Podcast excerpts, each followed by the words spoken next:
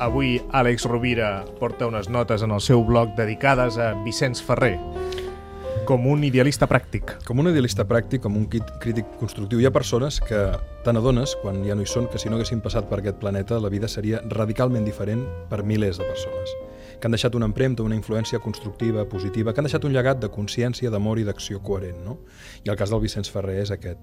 Um, és una persona que va ser valenta, que es va arriscar, que va prendre decisions molt importants a la seva vida, des de deixar l'ordre fins a, fins a marxar, en moments en els que, en els que el voluntariat pràcticament no, no, no, no tenia la força que té ara. No? I dos idees pensant en, en la seva persona. La primera és que els idealistes pràctics canvien el món. I com ho fan? A partir de la força de la voluntat i moguts per un sentit que els transcendeix. És a dir, si tu vas tenir l'ocasió, si heu tingut l'ocasió de tenir el Vicenç Ferrer a prop, d'escoltar-lo, de sentir la seva presència, eh, la sensació que et feia realment era que és que era una persona especial, una persona molt especial, molt singular, amb una gran espiritualitat i a la vegada amb una gran força interior. No? Um, un idealista pràctic, que tocava de peus a terra, però que els seus projectes jo crec que van transcendir qualsevol expectativa. Si algú hagués dit quan va començar que faria el que ha fet, ningú s'ho creuria. Per tant, és una prova de la força de l'amor, la força del sentit, la força de la voluntat per lliurar-se amb una causa que transcendeix i marxar d'aquí en pau i creant circumstàncies positives per molta gent.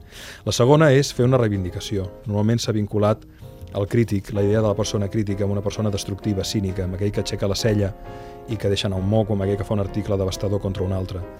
Um, potser és hora de, de que pensem que en Vicenç era un crític, és a dir, era un rebel, un inconformista, un contestatari pacífic, treballador, perseverant, valent, honest, per tant, un crític constructiu.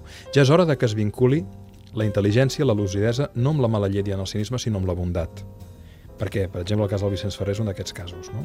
Una persona crítica en unes circumstàncies, però que realment a partir de la força de la, de la seva bondat i del seu amor ha construït un projecte extraordinari que facilita la vida a milers, centenars de milers, milions de persones. No? I per tant, crec que és un exemple de com una persona pot tenir un impacte sistèmic positiu i deixar un llegat eh, a la seva presència en aquest planeta d'una manera extraordinària, no? i que més integra molts dels principis que hem parlat al llarg de diferents programes, no? el coratge, la responsabilitat, el propòsit, la humilitat, la confiança, l'amor, la cooperació, el lliurament, Bé, mm, pels seus actes els coneixereu i aquí en tenim. Eh? Doncs sí, efectivament, pels seus actes els coneixereu. Bé, Guanyà, vol afegir alguna cosa? Sí, jo voldria afegir que hi ha la, la figura aquesta del crític, però constructiu i creador i alhora pràctic. Uh, la majoria, moltes vegades, cauen en els contraris, que són el pragmàtic còmplice. És pragmàtic perquè fem el que cal fer, l'eficiència és el gran i únic criteri, i sense adonar-se són crítics amb un sistema però coadjuven al manteniment d'aquest sistema. No? I són precisament els que te critiquen els altres. Eh, són crítics amb el sistema però són els principals en, en, en, en mantenir-lo. I una cosa que jo voldria del, del Vicent Ferrer és la bellesa de la bondat. Mm. Hi ha una estètica en aquesta persona. Ostres, eh? És cert, eh? És, és una persona bellíssima, eh? és, és la, però és que són irradien una bellesa perquè tenen tenen, bueno, jo crec que és una, una bondat que se transforma no? en, en aquesta bellesa. I, i per, per últim també, són, són gent que eh, fa projectes més enllà d'ells. Mm. O sigui, no, no, no són líders que és per a millor glòria personal. O sigui, volen fer projectes per a, per a, per a, per a, per a canviar, canviar unes maneres d'unes determinades persones. I és que són líders de debò, perquè quan no hi són, les coses segueixen, segueixen funcionant, funcionant de manera òptima. Sí, sí. Per tant, no hi ha un, una voluntat de que tot giri al voltant d'ells, no? sinó de deixar tot preparat perquè altres puguin seguir amb la tasca.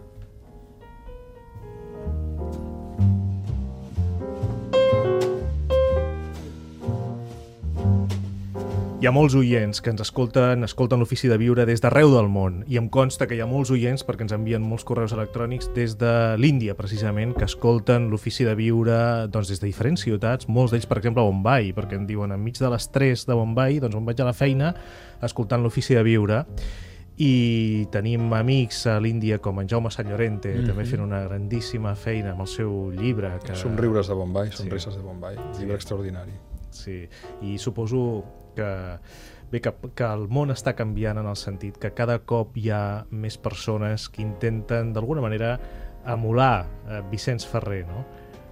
i que busquen un sentit probablement, no? com és el cas d'en Jaume, un periodista jove, d'èxit, de Barcelona, una gran persona, però que en un moment determinat fa un viatge a la Índia i pren consciència de que, de que hi ha una situació terrible amb els nens de Bombay, des de l'abús sexual fins a les amputacions, i es juga la vida perquè està amb, amb escorta, en Jaume, per tirar endavant un projecte que dona que alfabetitza i que dona una oportunitat de vida a milers de nens. Sí, recordo que em va dir, he escrit aquest llibre per si uh, no hi soc, eh? o sigui, per sí, si sí, em maten, sí, sí. que quedi constància de, del que hem pogut fer fins ara no? i del que estem fent.